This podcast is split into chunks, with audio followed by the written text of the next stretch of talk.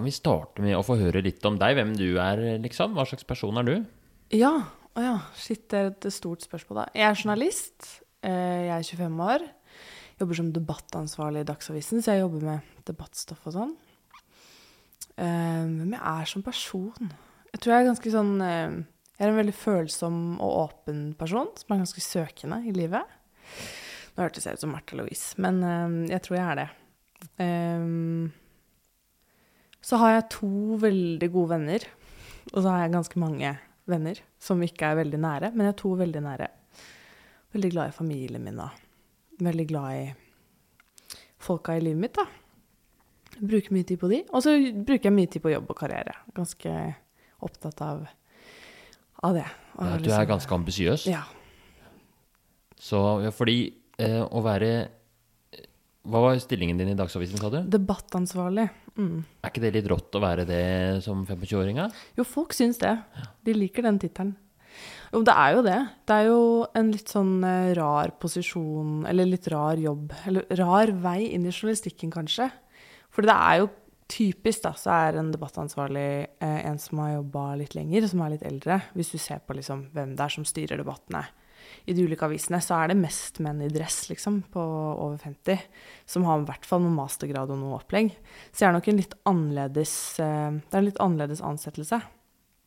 Men sånn til daglig så går jeg jo ikke rundt og kjenner på at det er veldig rått. Men eh, jeg føler jeg får en del sånn kred for det. At det er sånn folk har veldig lyst til å sette meg i boksen som hun ambisiøse, imponerende unge dama, liksom. Som Ja. er hyggelig, men også litt uh, typisk at man på en måte stanser litt der, da, ved å være sånn Jeg reagerte eksempel Nå er det så typisk at jeg ikke husker uh, hva hun heter. Hun nye statsråden, Emilie Det er Det er du som er journalist. ja, jeg vet det. Nei, hun, hun er veldig ung. Eh, Ja, stemmer. Hun, ja. eh, mm. Og da så jeg et intervju at uh, ble, uh, Jonas Gahr Støre ble spurt om liksom, alderen hennes og var hun kvalifisert til den jobben og sånn. Og man spør jo aldri det om en eldre fyr, liksom. Da tror Mm. du han? Ja. Kan han få Alzheimer, tror du? Altså, man holder jo ikke på sånn, så jeg syns på en måte det der å peke på det også kan være litt sånn Jeg syns det er litt interessant, da. Ja. Så jeg bruker mye av jobben min på å snakke om det òg, da. Men de gjorde jo det med Biden, da. Det, med Biden er et unntak. Ja, det gjorde man. Mm. Men han er jo en veldig gammel. Han er ja. Mm. Ok, så, mm, så da vet vi litt om deg. Du er ambisiøs, følsom, har to gode venner. Fortell mer om vennskapet med de to gode vennene, da. Å ja. Eh, Marit og Nina heter de. Eh, jeg har kjent de begge fra Altså Nina har jeg kjent eh, fra barneskolen, og Marit har jeg kjent eh, fra ungdomsskolen. Så det er to jenter som kjenner meg veldig godt, og som har sett meg eh, i alle slags eh, humør og faser av livet. Så de er sånn enorm stor trygghet, og kanskje spesielt de siste årene har jeg liksom innsett hvor viktig de er, da. Um, jeg har hatt ganske mye kjærester, Uh, så jeg har liksom fokusert veldig mye på forholdene mine siden jeg var ganske ung. Så jeg, har, jeg tror det er grunnen til at jeg kanskje bare har to nære venner, da, og liksom har bygd veldig mye av identiteten min på hvem jeg har vært sammen med. Hmm. Jeg aner meg at vi nærmer oss Mm. problemstillinga vi skal snakke om i dag. Mm. Det som du har lyst til å ja, For motiverende intervjuet dreier seg om et eller annet man har lyst til å endre på. Mm. Så første jobben er å finne ut av hva det skal være, da. Ja. Nei, altså jeg kjenner jo på at jeg er i et litt sånn rart sted i livet akkurat nå. Jeg føler meg veldig naken og hudløs eh, fordi jeg ble dumpa for to uker siden.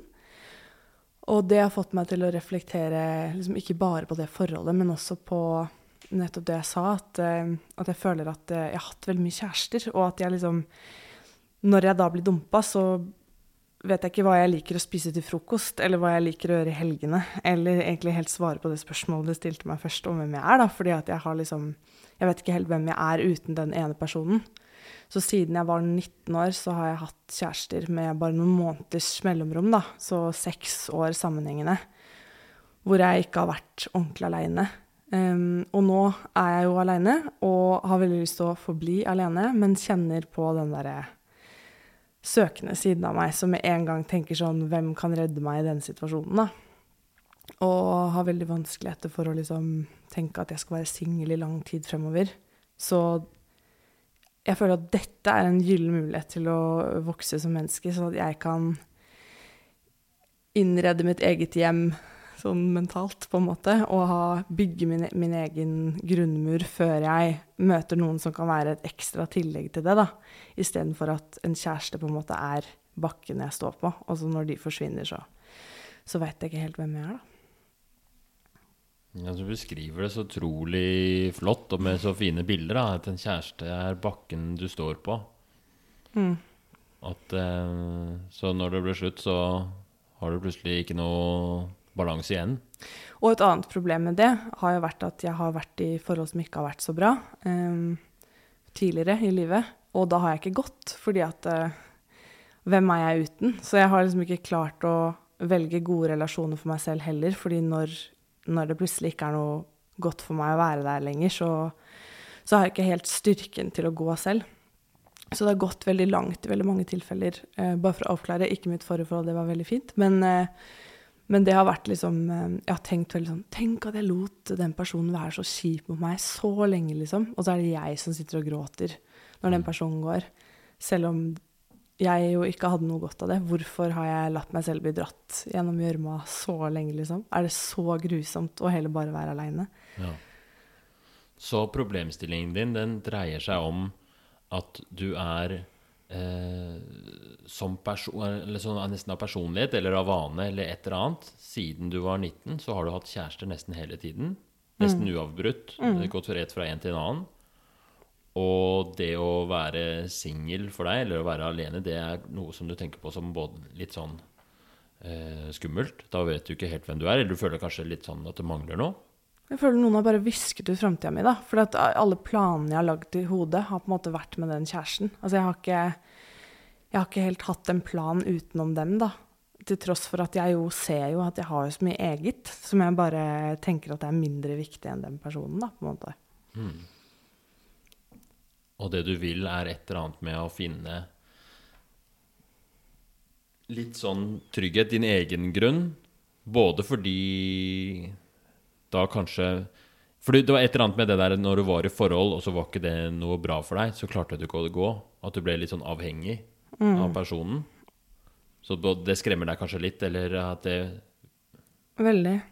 Jeg har jo lest om dette at eh, det er noe som heter liksom eh, Nervøs tilknytningsstil. Altså at man blir La oss si at du og jeg ble kjærester, da, så hadde jeg vært veldig sånn Hvis vi ikke skulle være sammen en kveld, så hadde jeg kanskje blitt veldig fylt av veldig vonde følelser. Eller mm. hvis du ikke svarte på en melding, så kunne det ødelagt hele dagen min. Og det er jo heller ikke noe godt eh, fundament for et forhold, for det ødelegger veldig ofte. Eller jeg føler at det står i veien for eh, Har stått litt i veien for at jeg kan være en god kjæreste, fordi at jeg ikke helt har liksom min egen grunn å stå på det. Mm. Jeg blir, liksom, føler meg klengete. Det skjønner jeg vanskelig. Jeg syns proble hele problemstillingen her er så er, Du er en boss nå som du tar opp dette. Ikke bare fordi det er vanskelig å ta opp for sin egen del, men jeg tror veldig mange kjenner seg igjen. Ja, altså, I forskjellig grad. Mm. Jeg tenker liksom, Hvis jeg ikke tar tak i det nå, så tror jeg, tror det er ganske vanlig å liksom være 50 år og så bli skilt og så aldri egentlig ha vært alene. Og så bare være liksom Hvem er jeg? Jeg har ikke lyst til å havne i den situasjonen da, når jeg er liksom godt voksen. Eh, kanskje har fått barn. Altså jeg har så lyst til å på en måte Jeg tenker, jeg ser jo for meg en fremtid med f.eks. et ekteskap og barn og sånn, og da har jeg så lyst til å på en måte være sterk nok til å gå fra et vondt forhold, eller være liksom sterk nok til å være på egen hånd. Være sterk nok til å ha en rel tett relasjon til et annet menneske, for det er jo noe av det vanskeligste som fins, liksom. Mm. Um, så min utfordring nå er å være Altså, jeg må ikke få meg ny kjæreste. Og alle vennene mine sier det til meg. Selv om nå må du være singel ett år. Så jeg har satt meg et veldig konkret mål om at jeg skal være singel et år, da. Um, og jeg aner ikke hvordan jeg skal få det til. Fantastisk. Veldig spennende. Det var jo akkurat det jeg skulle fram til nå. var jo litt sånn, fordi det du ønsker deg, det du har snakket om først, var jo hva slags endring er det vi er, I et motiverende intervju så spør jo hva slags endring er det du vil ha. Og så er det litt sånn jeg, jeg vil på en måte få et annet tilknytningsmønster. Det er en psykologisk endring. Det er nesten sånn å endre personlighet. Mm. Um, mens uh, i et motiverende intervju så er vi jo ikke så rigga for det. Uh, vi er mer rigga for atferdsendringer. Men det kan jo atferdsendringer kan jo gi psykologiske endringer etter hvert. Så derfor er det, kommer jo meg i for, forkjøpet da, når du sa jeg skal være singel i et år. Det er jo en helt konkret atferdsendring. Ja, så tror jeg det der med å konkretisere det er fordi at det, det, det kan hende det tar lengre tid enn et år, men jeg har litt lyst til å måte, jeg har liksom behov for å sette det konkrete målet sånn at jeg ikke bare føler sånn nå skal jeg være alene for alltid. Eller bare sånn, For det virker så utrolig sånn tungt da, å, å se for meg at jeg liksom eh, Jeg har jo lyst til å Det er veldig koselig å ha en kjæreste, liksom, og ha noen å dele livet sitt med. Og det vil jeg jo veldig gjerne. Jeg er jo en romantiker av rang, liksom. Jeg leter etter det. Altså, bare det går en fyr forbi meg på gata, så tenker jeg Kanskje han og jeg kunne vært sammen. Altså sånn Jeg, jeg ser etter kjærlighet, da. Um, men så trenger jeg å fokusere på meg sjøl, fordi at jeg trenger å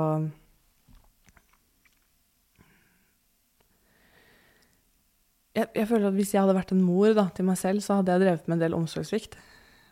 Og hvis ikke jeg har et annet menneske i livet mitt, så spiser jeg chips til middag. Eller eh, klarer ikke å stå opp om morgenen. Eller liksom, jeg er veldig dårlig til å liksom, ta vare på meg for min del.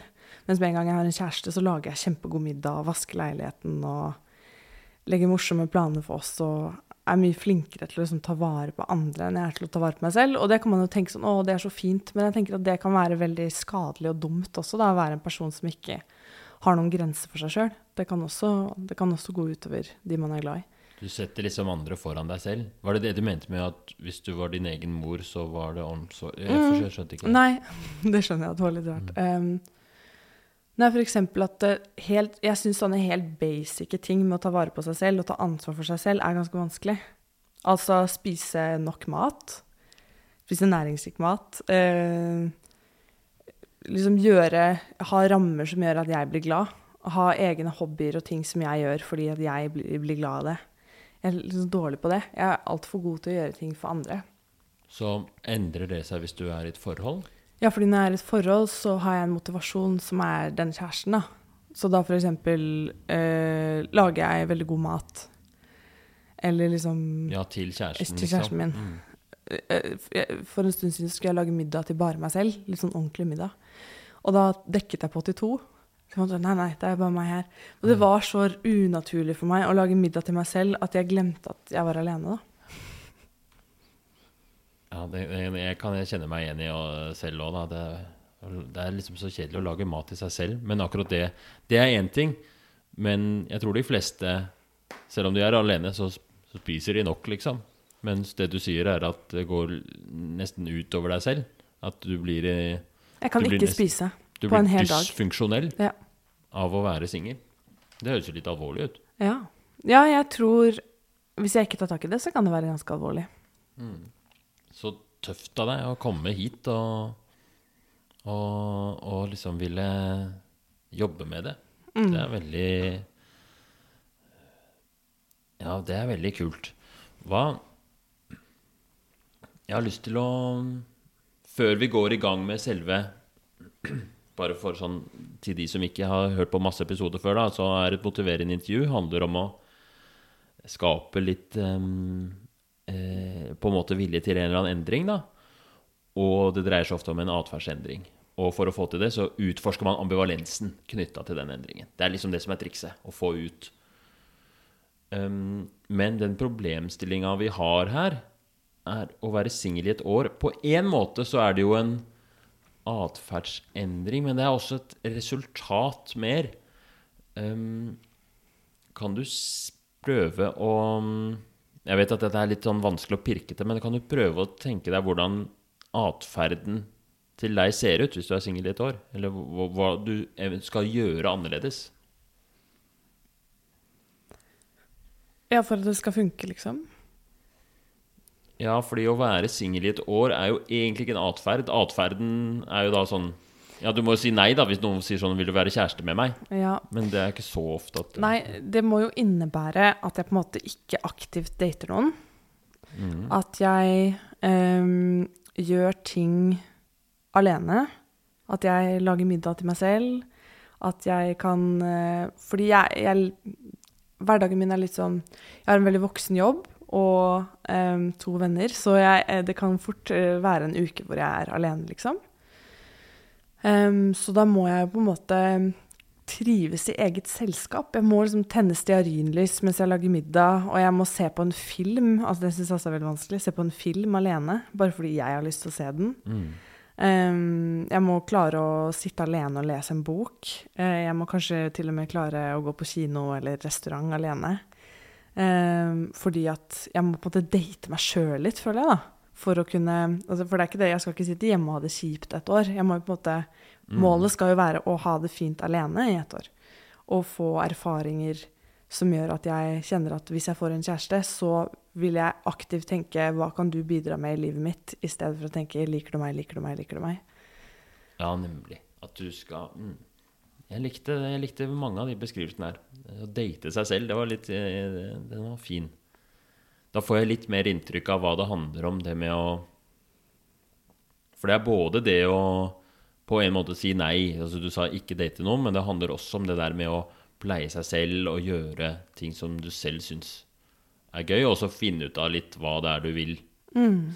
Eller hva som Og kanskje sitte litt med den uroen som eventuelt oppstår. ikke sant? At istedenfor å agere på den og gå ut og finne på noe, eller laste ned Tinder eller dra på date, at jeg klarer å liksom kjenne på at nå føler jeg meg ensom. Ja. At man liksom klarer å, å deale med de følelsene, da, istedenfor å agere på dem, som jeg tror jeg ofte har gjort. da. Men spennende, Selma. Vi tar saken. Vi Gøy. går videre til neste del av motiverende intervju, som er ambivalensfirkanten. Så nå skal jeg spørre deg om fordeler og ulemper ved denne endringen. Mm. Og det vil gjøre to ting. Både så vil det jo konkretisere litt ting og kanskje finner ut av visse aspekter ved den endringen eh, litt klarere. Men hovedpoenget er å, å på en måte løse opp den ambivalensen, belyse. fordi det er jo helt klart en ambivalens der. Det er derfor det ikke har gått automatisk. Og ved å belyse den, så kanskje blir det enklere. For du sa i stad at du følte dette her virker helt umulig å være singel et år. Du sier det, men du tror ikke at det går an, liksom. Det er et uoverkommelig mål, egentlig. Kan du si bare før vi begynner litt mer hva du mente med det? Eller hva tenker du er mer realistisk at kommer til å skje? At jeg møter noen om to måneder, og at jeg blir forelska. Og at jeg blir sammen med dem, og at det varer sånn to år, og så blir det slutt. Fordi Sikkert pga. Ja, livet, men også sikkert også litt fordi at jeg ikke evner å være en god kjæreste, for at jeg ikke evner å ta vare på meg sjøl. Og så må de ta masse vare på meg og føle på det ansvaret, og så friker de ut, og så slår de opp med meg. Det var en, en, eh, en veldig Hva skal vi beskrive den beskrivelsen der som, da? Den var veldig Den var brutal. Ja. eh, Men eh, kortfattet. Ja. Men det er jo sånn du føler det. Ja. Man får inntrykk at du, du syns ikke dette er så veldig gøy. Du, eller det er et eller annet med dette her som Det er en sånn håpløshet der. ja og så syns jeg det virker ganske kjipt å være singel et år. Ja. Jeg er redd for at det året skal bli til tre år, og så skal jeg være 28, og så skal jeg bli stressa for å finne noen. Og så skal jeg kjøpe meg en katt. Så, Det er du redd for. Det er frykten. Ja. Ok, vi går i gang mm. Med firkanten. Da starter vi med hva er Altså, hvis du ikke gjorde noen endring, hvis du bare kjørte eh, Selma Software og gjorde akkurat som du pleier, som falt deg naturlig Mm. Nå skal vi gå gjennom først fordelene, og så ulempene med det. Så hva er fordelene ved å ikke gjøre noe endring? Fordelen er at jeg nok kommer til å bli forelska, og å være forelska er veldig hyggelig og fint.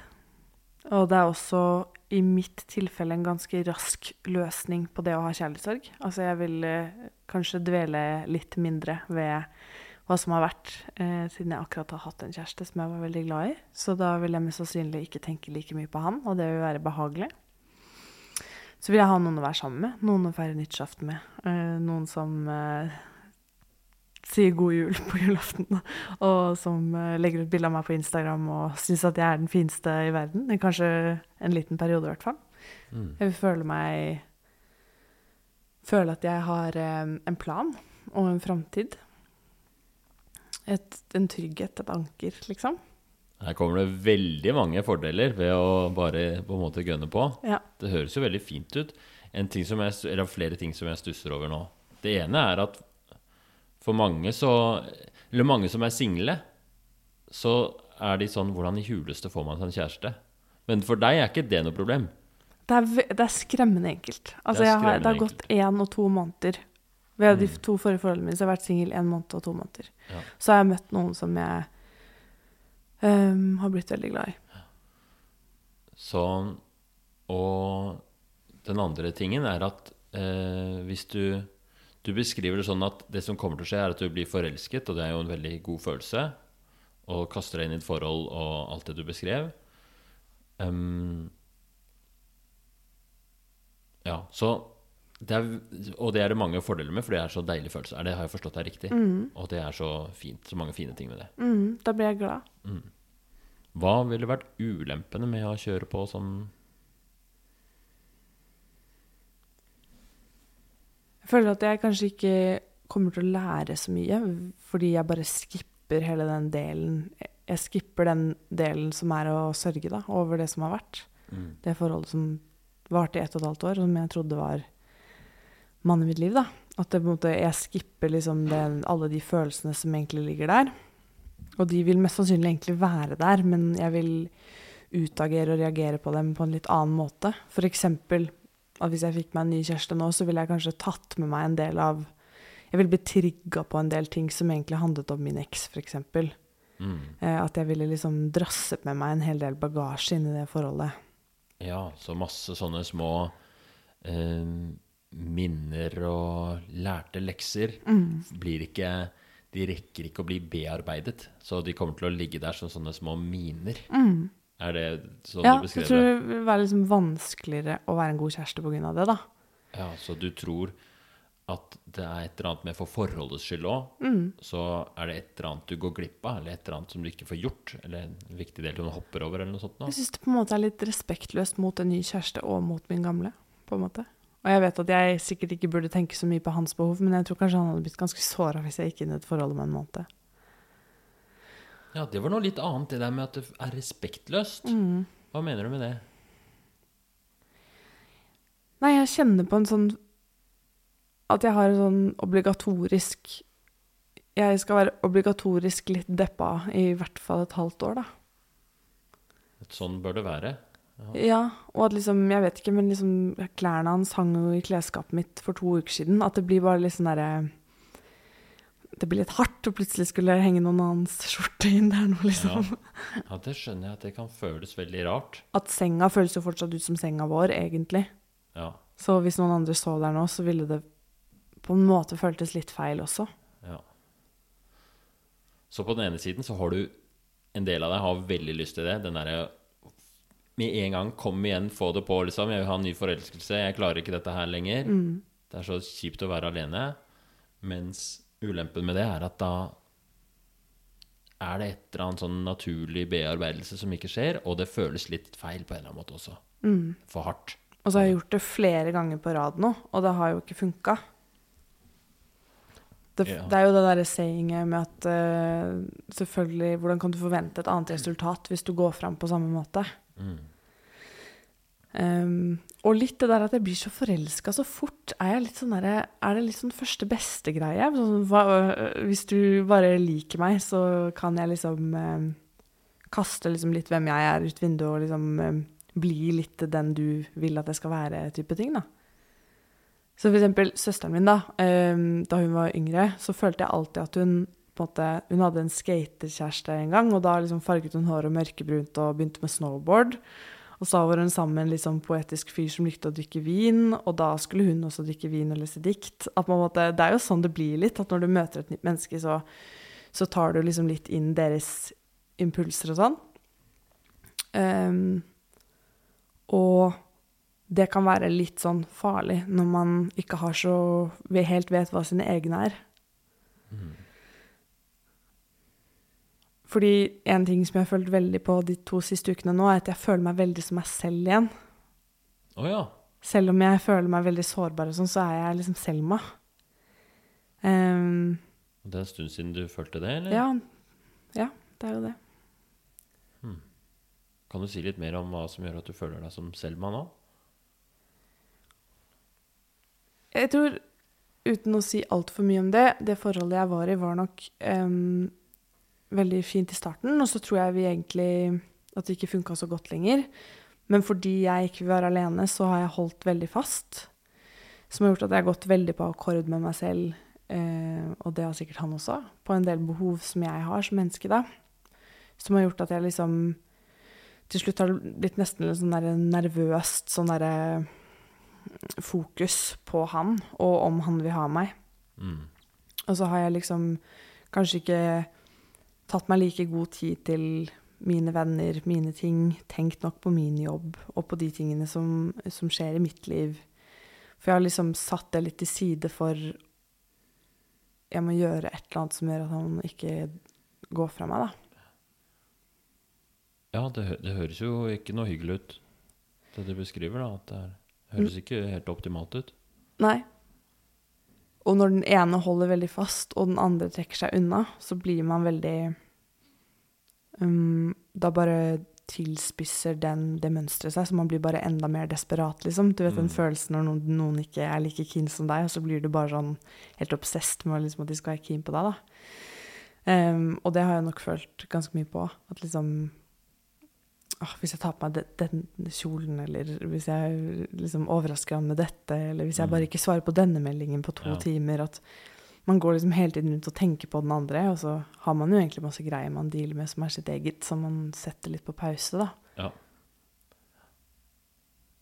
Det blir, ja, det blir ikke balansert. Det blir Det blir uh, mm. Romantikk for meg har nok på en måte Jeg har tatt med meg en del av de Siden jeg fikk den første kjæresten, eller forholdet jeg hadde, var varte i fire år, og da var jeg 19 år.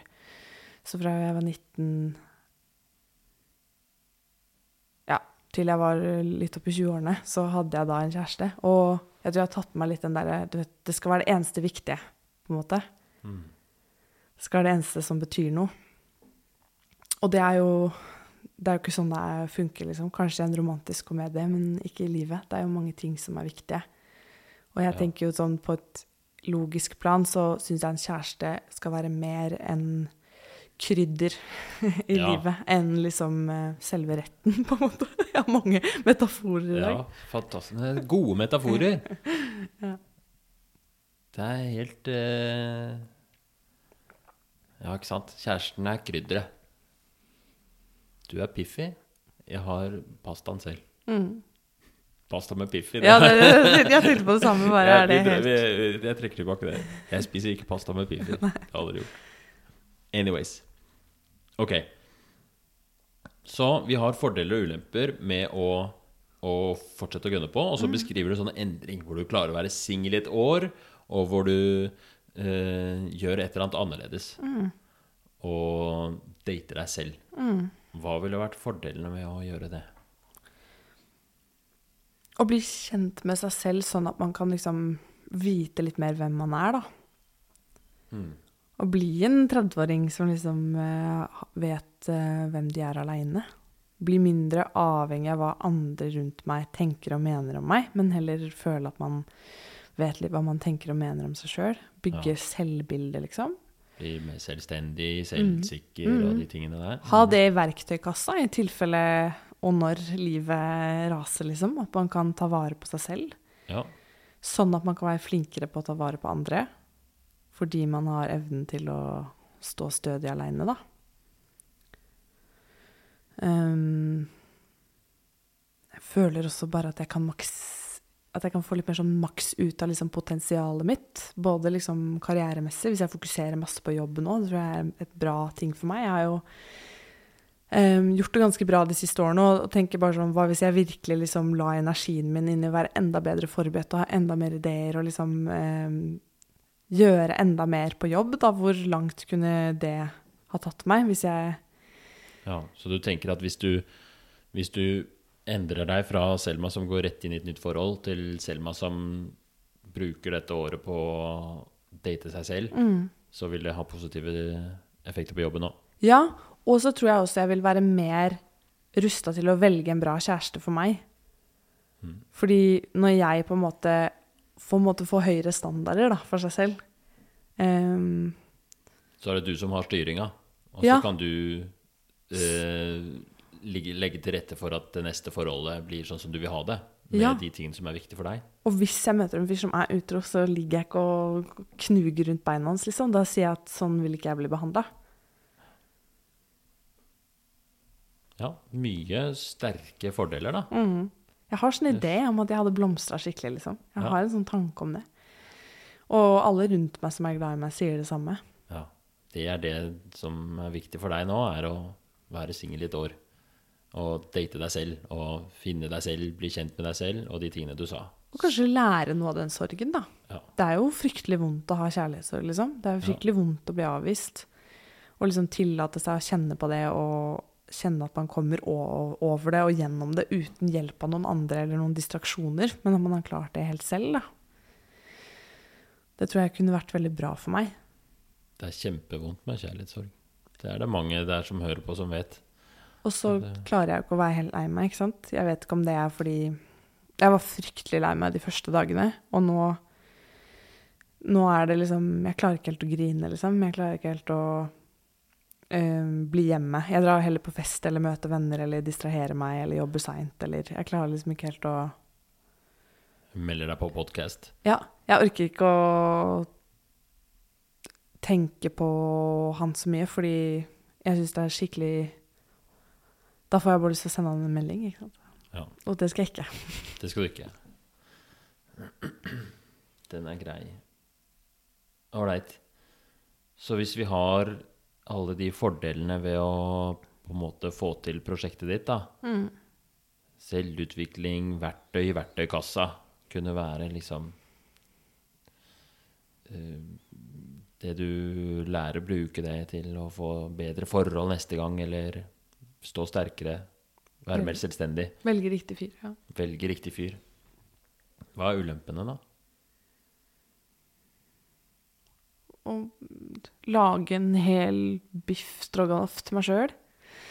Det er kjedelig. ja. Være hele desember og jula og vinteren og liksom eh, traske hjemme fra jobb alene. Ja. Ehm, ikke ha den derre Den derre ene personen som du føler at det er ditt menneske, liksom. Eh, nærhet og Ja, fysisk nærhet, for eksempel. Mm, Det er ting som du kommer til å savne. ja. Ja. Sover mye bedre. Jeg sover ved siden av noen andre. Ja. Kjedelig eller et eller annet som du ikke liker, men så var det ene. Jeg slapper mer av rundt andre mennesker. Jeg vet at det er veldig mange som er motsatt, og de trenger å trekke seg tilbake og være for seg selv, og de klarer sikkert ikke å relatere til det, men jeg er sånn som hvis jeg er mye alene, så blir jeg stressa. Jeg blir rolig av å stå i midten av en folkemengde, liksom. Mm. Jeg har det skikkelig som et behov å være rundt andre mennesker. Ja. Så hvis du gjør det som du av mange grunner tenker er viktig for deg nå, så vil du kanskje måtte være mer alene og måtte oppleve mer stress og, og ja, savne og ha nærhet og, og sånn, da. Mm. Sikkert føle meg en del ensom. Mm. Kjenne på ensomhetsfølelse, kjærlighetssorgsfølelse. Mm. Følelse, Være på utsiden av livet, liksom, mens Ja. alle andre lever det. jeg ser jo bare kjærestepar nå. Alle, Ja, alle er gravide, alle har barnevogn, Ja. alle er forelska, alle skal gifte seg. Alle snakker om at de har vært på date med kjæresten sin. Så livet er livet med kjæreste, og hvis du ikke har kjæreste, så er du ut, utafor livet. Det føles ut som en sånn ventepause. Ventepause. Det er ikke gyldig levetid. Nei. For det er jo ingen som er der sammen med meg. Jeg tror nok jeg kjenner på det. Det er jo veldig interessant, da. Det er jo ingen som har sett det. Det er ingen som Ja. har sett meg når jeg har gjort ting alene. liksom. Det er ingen som er der for å bekrefte at det er virkelig, eller at jeg har verdi, eller Tror du det er noe som er sånn at det gjelder for alle, eller er det, gjelder det bare for deg, det der med at man er utenfor? Nei, jeg tror, jeg tror det er noen mennesker som, eh, som står mer støtt i seg sjøl, og som kanskje til og med kan synes det er vanskelig å ha en kjæreste. Som syns det er invaderende. Som når de er på vei inn i et forhold, så tenker de å, men hva kan jeg miste når jeg går inn i dette forholdet? Det har jo jeg aldri tenkt. Mm. Jeg har bare tenkt eh, Gains. ja, gi meg alt du kan gi meg, liksom. Nå Jeg husker veldig godt eh, etter at jeg var i det lange forholdet, så fikk jeg jo en kjæreste etter én måned. Og da når jeg ble forelsket i han, så var det som om jeg levde igjen. Jeg følte at jeg hadde fått liv i gave, liksom. Jeg har ikke vært så lykkelig noensinne. Jeg, sånn, jeg bare våknet opp og var glad, bare fordi han fantes og han likte meg. Og det var sånn Det var jo selvfølgelig også en enorm nedtur når det viste seg at han ikke likte meg så veldig godt likevel. Uh, og da Altså, lykken ble i veldig stor grad styrt av om han likte deg eller ikke. Ja, ja. Det var jo helt verdiløst når han uh, ikke ville ha meg lenger. Jeg følte ja. meg helt verdiløs. Utrolig Jeg skjønner at det blir skikkelig berg-og-dal-bane å leve sånn. Ja. ja. ja. det blir det. Det blir veldig mye opp og ned. Mm. Når man er så avhengig av at noen skal like deg for å like deg sjøl. Ja, dette er veldig spennende. Nå har vi gått gjennom masse ambivalens. Mm. det her har vært et veldig vellykket motiverende intervju så langt. Ok, Så bra. Så vellykket at du måtte si det. Så fordeler og ulemper både ved å gjøre som før og ved å gjøre en endring. Hvis, du, øh, hvis vi skal liksom øh, prøve å finne ut av hvor du er nå, da, mm. tenker du fortsatt at dette her er viktig og riktig for deg? Eller hvor viktig? Syns du det er å gjøre det en endring? Nei, jeg syns det er veldig viktig. Jeg har jo eh, Hele livet har jeg bedt, blitt bedt om å lese selvhjelp, og jeg har tenkt at det gidder jeg faen ikke. Men i går så satt jeg og leste selvhjelpsbok. Jeg måtte lese den høyt for å fortsette å lese. Og det var helt sånn Jeg fikk helt sånn derre Jeg fikk et skikkelig sånn kick av det. Eh, og jeg tror det er fordi at jeg følte bare sånn Nå gjør jeg noe som er for meg sjøl, liksom. Nå sitter jeg med den dumme boka fordi at jeg har lyst til å bli en bedre versjon av meg selv. Det var, det var veldig sånn godt um, Det var en veldig god følelse. Og så sto jeg i dag sto jeg opp Jeg hadde forsovet meg. Et, siden bruddet så har jeg forsovet meg hver dag. Har liksom bare løpt ut av døra og ikke hadde lyst til å våkne og sånn. Så i dag sto jeg opp tidlig. Eh, drakk kaffe, spiste frokost. Eh, så fin ut om morgenen. Altså sånn, Jeg følte meg så bra. da. Jeg har hatt en, kanskje den beste morgenen på, på lenge, da. Um, så de lysglimtene der er sånn Da tenker jeg bare sånn Ja, bra, liksom. Dette er helt rått. Um, og så kommer jo kvelden, Nå er det Hvorfor må jeg bli dumpa rett før jul? Det tenker jeg på mye. det er så mørkt. Og liksom uh, Jeg skal på jobb igjen i morgen opp klokka seks. Altså bare sånn At hverdagen bare kjennes veldig sånn tung, da. Um, så det er øyeblikk av det også. Men jeg føler på en måte at jeg er uh, Det er en følelse av at det er bra at jeg er singel. At det var riktig, liksom. Ja. Selv om det er veldig, veldig trist, så begynner jeg å kjenne på det. Så den dagen her i dag, som du beskriver, ble mm. med at du sto opp tidlig, lagde deg selv frokost mm. Det var cornflakes, da, det skal sies, men uh, ja ja, ikke bagatelliser dette. Det er, er bra. Det. Jeg spiste. Du spiste? Det var, nesten ikke spist på to uker. Ja. ikke sant? Så den dagen her, med alt den innebar, var veldig sånn modell for hvordan du ser for deg at den, eh, at den endringen det, At du tar vare på deg selv, og du kjente på de følelsene du hadde. Og hadde liksom ensomhet og kjærlighetssorg og mm. sånt noe, og sto i det. Mm. Og så var det jo også kjipt den hadde med den derre ah, Hvorfor skjedde det her? Og mm. tristhet og frustrasjon, på en måte. Så sånn jeg forstår deg, så er dette her veldig viktig for deg, denne endringen. Ja, det er jo det. Det er En ting du sa i stad, var sånn hvordan i kuleste skal jeg klare det? Og det er neste spørsmål. Hvor stor tro har du på at du får til å gjøre en endring? Den er ganske liten. Ikke sant? På skala fra 1 til 10, hvor 10 er sånn 'dette klarer jeg lett', og 0 er sånn 'det er helt umulig'. Aldri. Fire, kanskje. Fire, ja. Hvis, hvorfor er den på fire og ikke på to, liksom? Hva er det som gjør at du har såpass? Fordi jeg har veldig lyst, liksom. Ja, fordi det er så viktig. Jeg føler at det er riktig. Det er den riktige tingen å gjøre. Jeg har veldig lyst til det. Men jeg har jo merket at jeg allerede har gått til gamle spor. Det har bare gått to uker, og jeg har allerede gjort en del ting som jeg ikke skulle gjøre. Så jeg kjenner ah, ja. på sånn setback. Hva var det for noe? oh, jeg vet ikke hvor jeg kan si det her, men uh, Nei, det er kanskje et eller annet som ikke egner seg for podkast. Uh, ja, men jeg kan sikkert Jeg vet ikke. Um, jeg har ikke vært eh, helt uh, totalt alene i, Ja. hver dag. Så du har Eh, vært Så fordi det, det er jo også en ting jeg lurer på, da, fordi mm, Som vi jo kommer inn på eh, nå i siste del, hvor vi skal liksom avslutte, og oppsummere og konkludere med et eller annet. mm, Og det er jo at ehm, Hva Altså hvis man skal sette seg et mål eller noe sånt noe, så skal jo det helst være litt overkommelig og enkelt. mm, Um, I hvert fall er det i sånn metodikken motivere en intervju, så, så går man for å gjøre ting enkelt. Så hvis noen skal begynne å trene, så skal ikke de løpe maraton første uka. Skal de ta et kvarter med noe mm. situps, liksom. Eller altså et kvarters økt, og så ta noe enkle greier.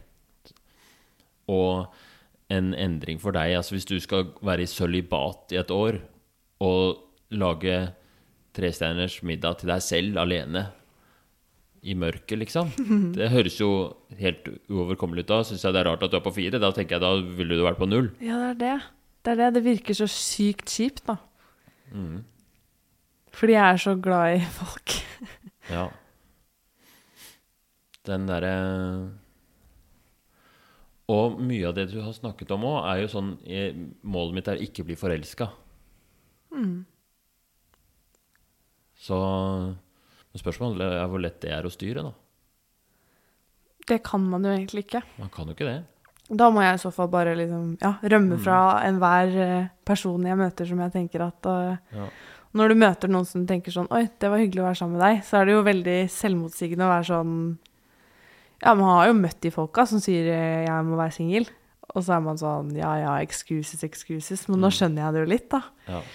Um, men ja, det føles veldig Det er jo alt man vil når man har det kjipt, og så møter man noen som får deg til å føle deg bedre, så vil du jo bare fortsette med det. Mm.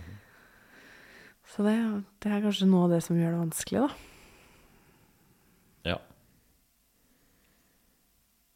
Kan jeg bare få tenke bare litt, en liten tenkepause? Mm.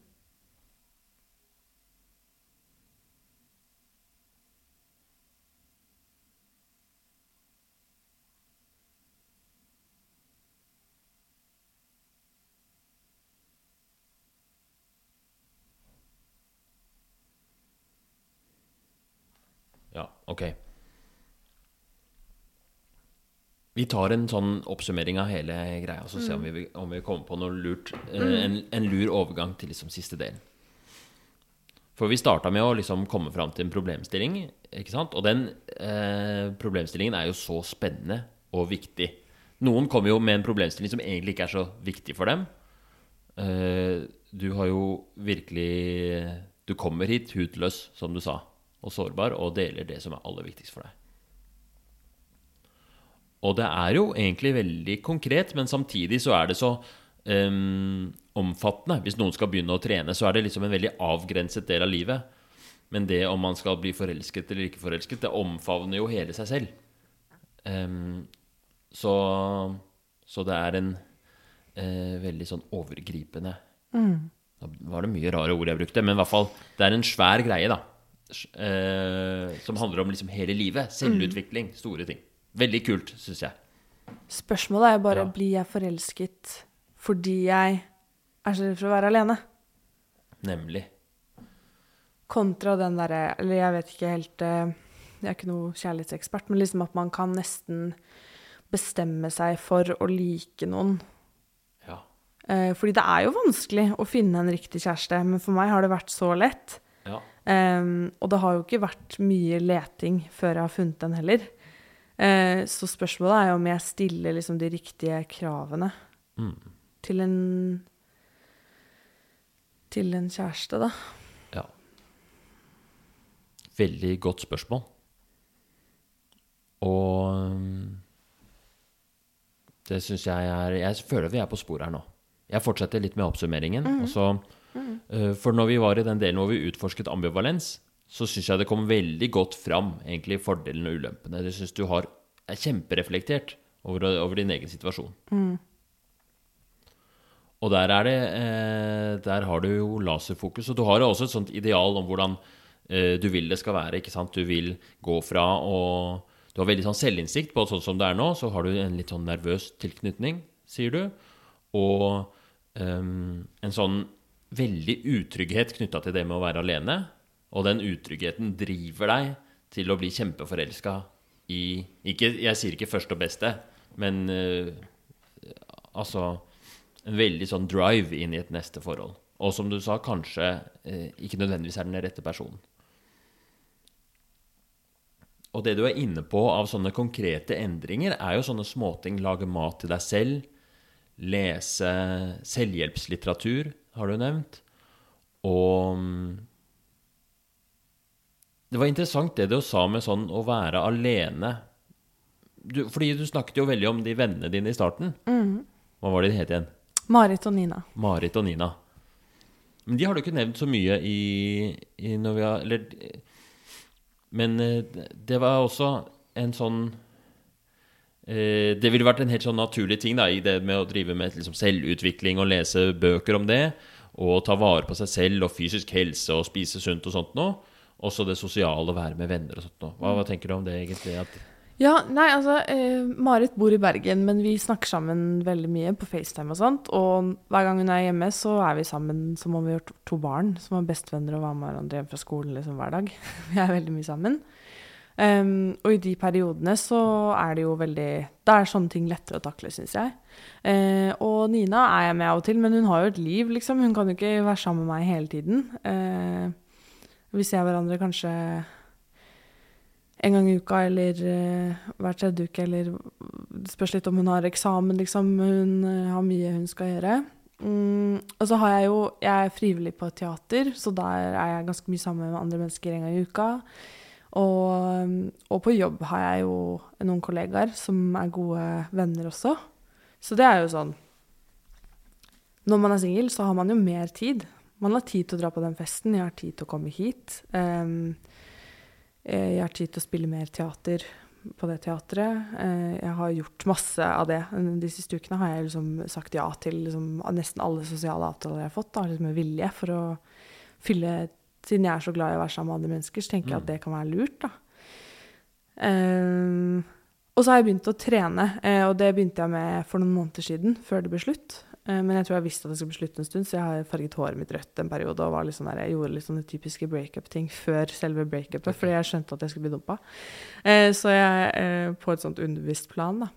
Så jeg har jo Det er også en sånn Altså, det handler kanskje mest om visste jeg ikke at å farge håret rødt var en typisk breakup-ting. Men da Jenter klipper seg og farger håret. Mm. Eh, og eh, det med treninga har vært veldig bra fordi jeg går på sats, liksom, og jeg har på meg tights foran en menneskemengde, og det er sånne ting jeg aldri har turt før. Og jeg gjør det tre ganger i uka, hver uke, liksom. Eh, kjempekonsekvent, og jeg elsker det. Og det er også en sånn tidsting som jeg syns er utrolig deilig, for at jeg kan løpe dritfort, og så kan jeg bli kjempesvett, og så føler jeg meg 100 ganger bedre etterpå. Så det er sånne ting jeg liksom ikke har hatt, som er veldig sånn selvhjelps, som jeg gjør for meg selv. Da. mm. Som jeg også merker at hjelper veldig. Alle sånne ting er Som jeg fyller tiden min med ting som gir meg mening, liksom, er Ja. veldig bra. Ja, det var akkurat det jeg var ute etter. Fordi det um, Det Det som når vi liksom går over i den siste delen, og da er det vanligvis at man lager en plan og ser om det er noen atferdsendring man skal gjøre. Ikke sant? Og noen um, Så en sånn eh, En sånn typisk ting som du kunne bestemt deg for, da, var sånn at jeg skal eh, begynne å trene eller et eller annet, for da føler jeg meg bedre, og det vil øke min selvtillit. Og så vil det kanskje være litt lettere for meg å stå trygt i meg selv, for jeg har i hvert fall den treninga. Så egentlig det jeg sitter med følelsen, er at du gjør jo alt riktig, da, Selma. Det er eh, Det som du forteller om, er Jeg syns de som hører på det, skal liksom tenke at eh, hvis man kjenner seg igjen, så er det jo egentlig inspirerende at du sitter med den selvhjelpsboken og liksom og lagde middag til deg sjæl og spiser cornflakes til frokost og drar på Sats tre ganger i uka. Det er jo helt helt rått. Ja, men så er det ingenting av det som gir meg den meningen som det gjorde å være sammen med han, ikke sant? Nemlig. Det Du- det følelsen. føles ikke. Nei, det er den Nei. følelsen av å liksom fylle Ja. Fylle liksom tiden, men likevel så er det liksom ikke det meningsfulle Det er ikke like meningsfullt som å elske noen, da. Selv om du gjør alt riktig, så har du akkurat like mye kjærlighetssorg like og ensomhet. ensomhet. Kjempeensom og kjempelei deg, og vil bare at det skal gå over. Ja. Ja. Og så fins det liksom ingen snarvei, da, for den sorgen som ligger foran meg. Og alle vennene dine sier 'nå må du være singel et år', det her går ikke. Og du er litt enig selv. Ja. Og så møter man noen som liker deg, og så Ja. tenker man hm.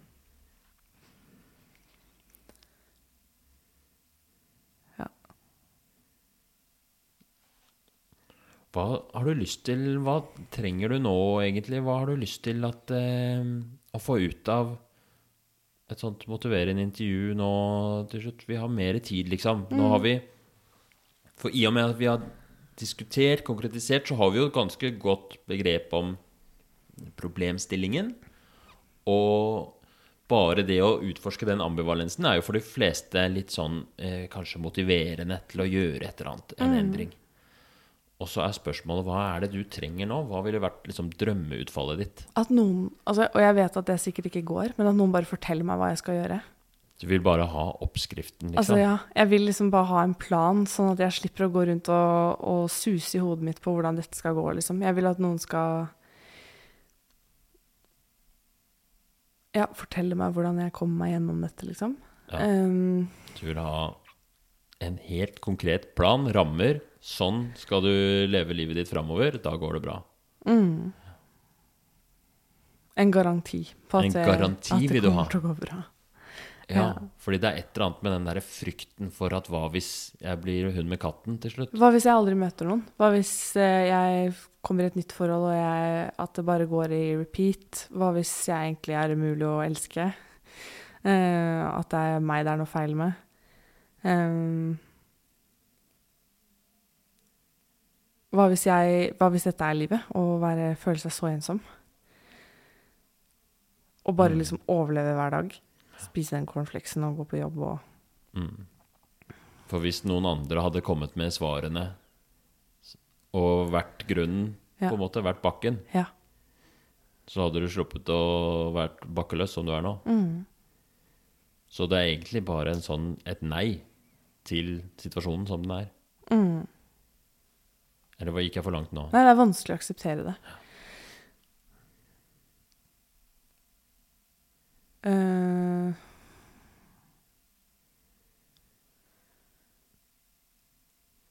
for man skulle liksom bare ønske at ting var som de var, Ja. før det endret seg.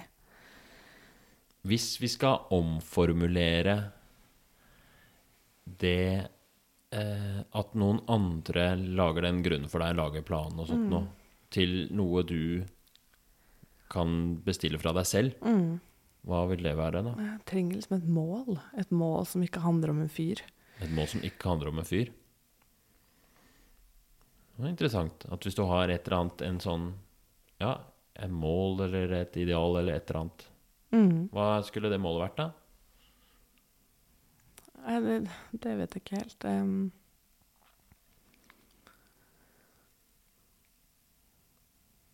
kanskje det må være noe på jobb? Jeg vet ikke.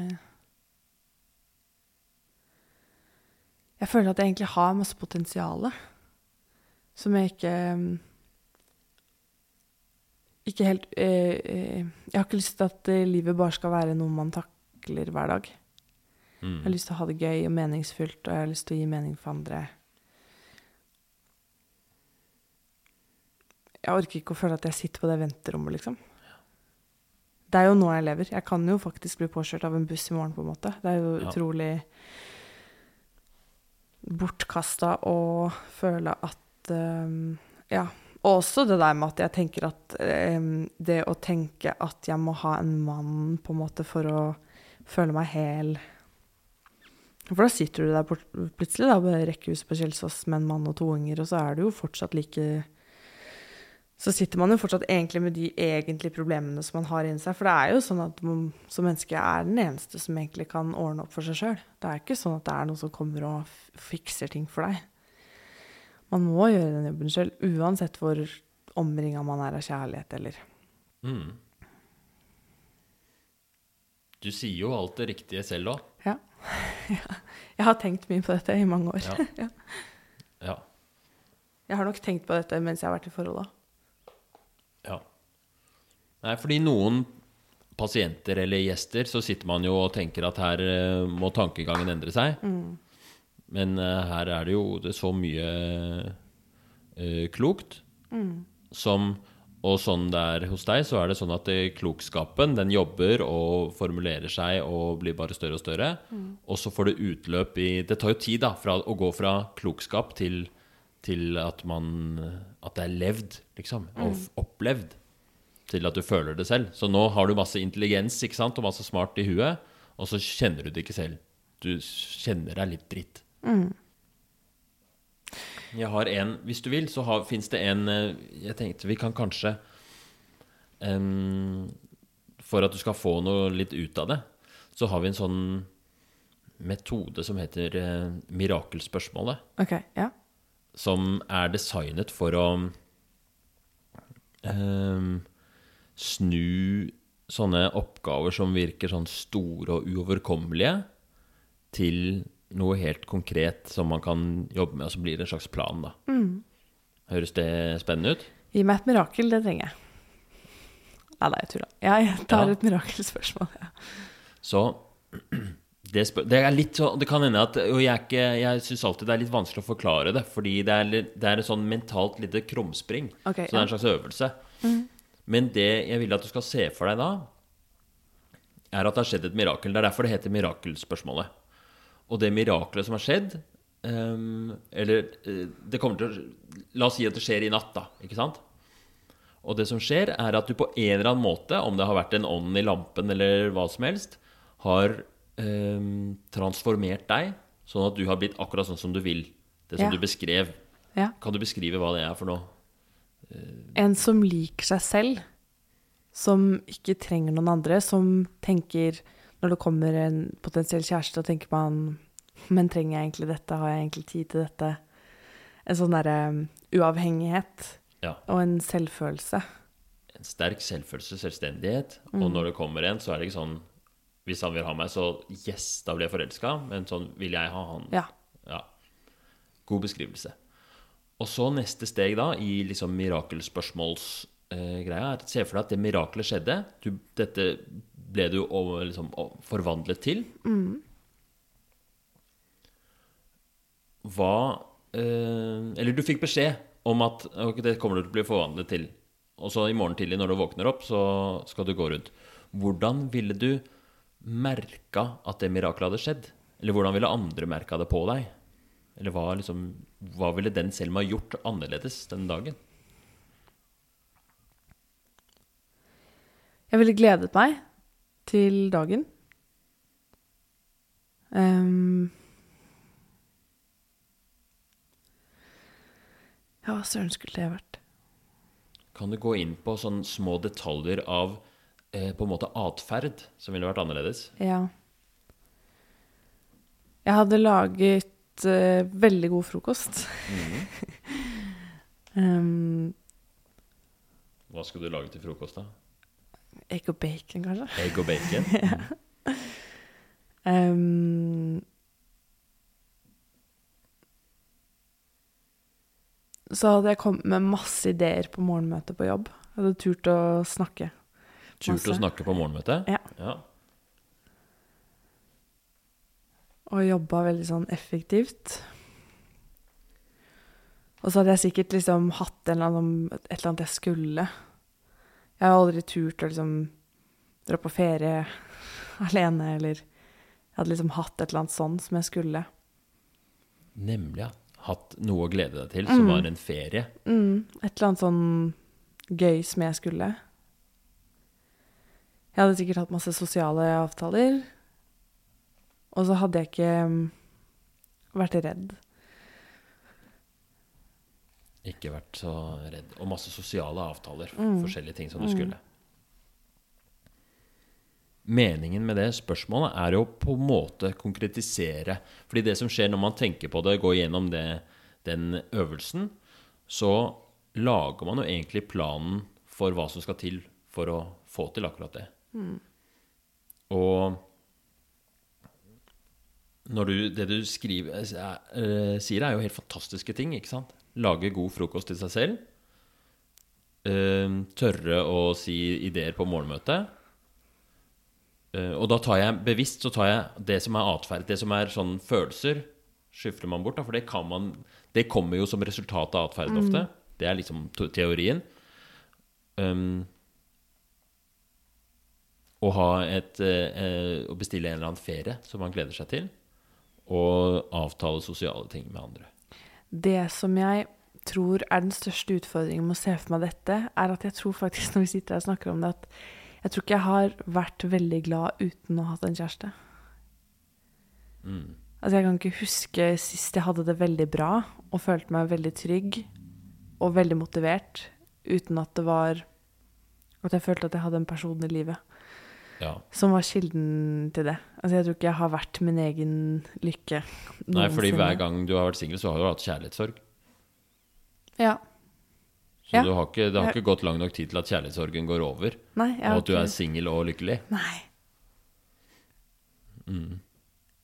Ja, nei, det er bare å glede seg til. Jeg håper du får oppleve det. Så det er, fordi kjærlighetssorg kan umulig vare evig. Det er Konseptet kjærlighetssorg er jo forbigående. Så det er to ting som kan skje, da. Enten så får du deg en ny kjæreste og blir kjempehappy med det. Og jeg er ikke enig i vennene dine nødvendigvis at det er krise. Fordi du lærer av å Du kan jo fortsette med planen din. Og så du kan lage god frokost og komme med ideer på morgenmøte og ha sosiale avtaler om du har kjæreste eller ikke. Så dette prosjektet er litt sånn uavhengig om du Fordi det er Det kommer skjebnen til å bestemme. Du kommer ikke til å klare å styre om du blir forelsket eller ikke hvis det, hvis det skjer. Nei. Så Men Men um, Men poenget i hvert fall med uh, mirakelspørsmålet er jo å konkretisere ned til, til eh, faktiske ting som du For det du sa, det var at du ønsket deg en plan. Og det er det du har laget nå, da. De tingene der. Eh, Jeg skal faktisk på ferie. skal du? Ja. Der ser du! Det er det jeg sier, du gjør alt riktig! Du er så flink! Ja, jeg skal Ja. til Stockholm med Marit. Mm. Fantastisk. Fantastisk. Ja. Så det du Men du er litt lei deg for at du fortsatt har veldig mye kjærlighetssorg. ja. Så det hadde jo vært spennende om du eh, fikk oppleve å ha kjærlighetssorg Nei, at kjærlighetssorgen går over uten at du fikk ny kjæreste. Det hadde vært spennende. Det hadde vært spennende. Å se hva slags supermenneske jeg blir da. Ja, det er nesten skremmende. For dette har jo skjedd hver gang jeg har blitt singel. Altså, jeg har blitt penere, mer effektiv, em, etter en stund gladere. Selv om jeg har jo fått meg kjæreste på et eller annet punkt, og etter kort tid, så Jeg tror liksom jeg egentlig har evnen til å komme over noe relativt raskt, fordi at jeg er et veldig tenkende menneske som som på en måte uh, føler veldig på følelsene mine når jeg føler på dem. Jeg har jo grått, så jeg nesten ikke Ja. klarer å åpne øynene mine. Så det er derfor jeg på en måte også har fått det såpass OK nå, fordi Du jobber deg jo gjennom det. Ja, jeg Ja. jobber som faen. Ja. Det gjør du. Du skal være stolt. Ja. Ja det var, jeg syns det var veldig hyggelig at du sa jeg gjorde ting riktig. Det ga meg en veldig god følelse. Så bra. Og så tror jeg bare det der med å ha litt kjærlighetssorg er litt sånn Det må man på en måte bare ha litt. Altså sånn Det der at Det er søsteren til Beyoncé har en veldig fin sang som heter 'Cranes in the Sky', som dere som lytter på, kan høre på etterpå. Men den, eh, den handler liksom om alt hun gjør da, for å prøve å komme over en sorg. Um, kjøper nye klær, ligger med nye folk, Eh, opplever nye ting. Men likevel så føles det ut som det er sånne store kraner, heisekraner i himmelen, som skygger for eh, lykken. Fantastisk. Mm. At det er liksom, man må bare Man må være litt i den fasen hvor man, man føler at ingenting virker. Og selv da så er det Jeg har jo hatt dager hvor jeg ikke har lyst til å stå opp, og da har jeg vært veldig sånn Nå skal jeg gjøre det motsatte av det jeg har lyst til akkurat nå. Jeg skal kle på meg, jeg skal sminke meg, jeg skal møte en venn. Og om bare det er bare tre timer, så skal jeg liksom Jeg skal gjøre det. Og da føler jeg meg jo bedre. Om ikke bra, så bedre. Ja.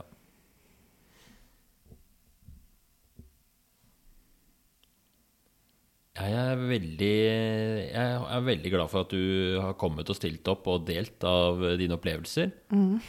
Og jeg tror lytterne har syntes det var spennende. Jeg i hvert fall syntes det var spennende. Og så tror jeg at eh, de med meg også heier veldig på deg og er spent på hvordan, eh, hvordan dette går. Vi kan ha kanskje Det burde være en sånn betting pool på hvor mange måneder går det før du får din Ja. neste kjæreste. Ja.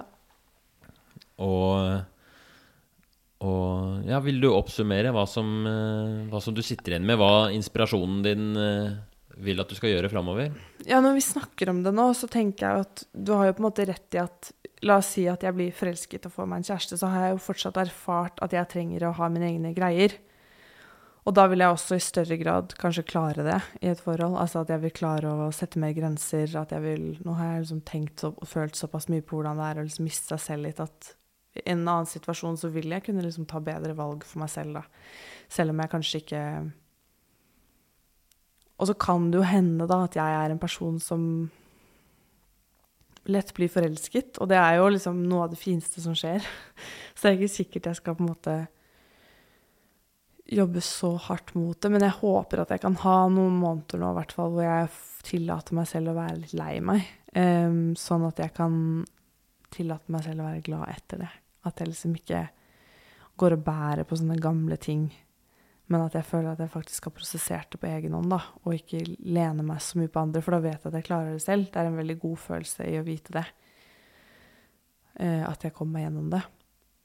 Eh, også at jeg vet nå at jeg, jeg er jo ikke en destruktiv periode, men jeg har jo hatt det før òg, at jeg har gjort ting som har vært dårlig for meg etter et brudd. Men nå er jeg, er jeg jo kjempeopptatt av å gjøre ting som er godt for meg. Eh, og det er vel et fokus jeg bare må fortsette å ha, uten å være så sint på meg selv for at jeg savner eksen min. Fordi det er, hadde vært veldig rart hvis jeg ikke gjorde det. Og det er greit, liksom. Å være på, på veg med ting. Um, og så tror jeg at eh, jeg må bare bli flink til å eh, lytte på min egen intuisjon. For det er en av de tingene som jeg har følt på når jeg går på kompromiss med meg selv, at jeg vet egentlig hva som er riktig for meg. Og så gjør jeg noe annet fordi jeg ikke liksom helt stoler på min magefølelse. da. Å trene opp og vite eh, hva som er min magefølelse, og, og høre på den. Det tror jeg er viktig. Kjempebra. Jeg syns alt du sa, var det Jeg det var en perfekt oppsummering Ja. og en perfekt videre plan. Og mm, ja, det er eh, nydelig. Da er det bare å gønne på med å date seg selv. Bare date seg selv. Fantastisk. Eh, Det har vært en glede å få intervjue deg og mm, få høre på. Og eh, ja, kjempeinspirerende. Hvis det er noen av eh, lytterne som har spørsmål eller innspill eller tilbakemeldinger, kan de sende det til deg på den Facebook-gruppa? Absolutt. Vi har en Facebook-gruppe hvor, Ja. hvor jeg, jeg, jeg legger ut en liten post Mhm. Med Vi tar et bilde etterpå. Ja. Så legger jeg ut en post der. Mm. Og så kan folk eh, kommentere og heie og like og Ja, stille spørsmål. Jeg er spent på hva folk tenker. Ja. Det er ikke alltid de er så voldsomt aktive, de der lytterne mine. De er litt sånn derre De er veldig tankefulle. Ja. De tenker mye. Ja. Altså Men jeg blir så glad hver gang det er noen som er litt aktive der. Ja. Så det får vi håpe at det er noen som er. ja, det er bare å gunne på. Det, det tar jeg imot. Vi tar imot alt av innspill. Absolutt. Konstruktive, smarte innspill, da. Ikke, Ja. ikke Ja. Anyways. Eh, hvis du liker podkasten, så hva er det man sier? Subscribe? Uh, uh, Lik og del. eh, Ja. Subscribe. Nei, bare hold det for deg selv, denne podkasten. Det er best å, ha, best å holde den her litt Det er fint å ha en sånn liten privat greie. Å, ha en podkast som man hører på mest for seg selv. Og så vet ingen andre at du hører på den, men det er min greie. Fra en som har produsert noen podkaster, så syns jeg det er en helt utrolig businessmodell å ha, og at denne podkasten kunne vært eh, Den kunne virkelig ha skutt i været hvis du bare reklamerte litt for den, men det er greit. Ja, men vet du hvor mye eh, jeg tjener på den podkasten? Ingenting. Ingenting. Vet du hvor mye jeg tjener på den hvis den får ti ganger så mange lyttere? Ingenting. Ingenting. Hvor mye glede. Jeg har altså så Jeg tror bare blir bryderi hvis det kommer flere lyttere, faktisk. Fordi da kommer jeg til å begynne å tenke sånn Shit, hva skal jeg gjøre? Skal jeg kanskje begynne å tjene penger? Jeg, jeg hadde jo det forleden, at jeg tenkte at jeg kanskje skulle ha inn noe eh, Begynne å tjene penger på den. Så jeg tenkte reklame, det har jeg ikke noe lyst til. Men så uh, styrer jeg med donasjoner og sånn. Men det var så ubehagelig å spørre.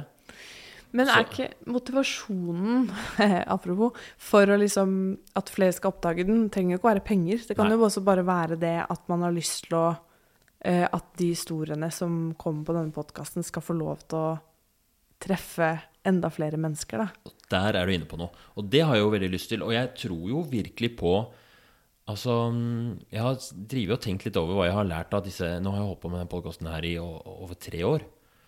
Og det er jo så mye ehm, eh, viktig Jeg syns som person så selv har jeg jo vokst kjempemasse av å eh, En ting er motiverende intervjuteknikken, som har liksom vært helt fantastisk å lære om. Og eh, lært meg så mye om hvordan mennesker fungerer, og hvordan jeg selv fungerer.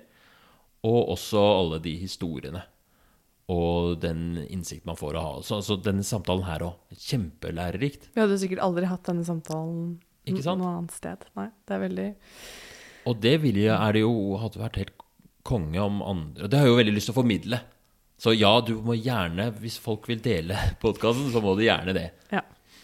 Men uh, Jeg kan dele den, jeg. Nei, det trenger du. Hold det for deg selv. selv på deg. Nei, Skal vi runde av? Ja, vi runder av. Ha det bra. Takk for meg.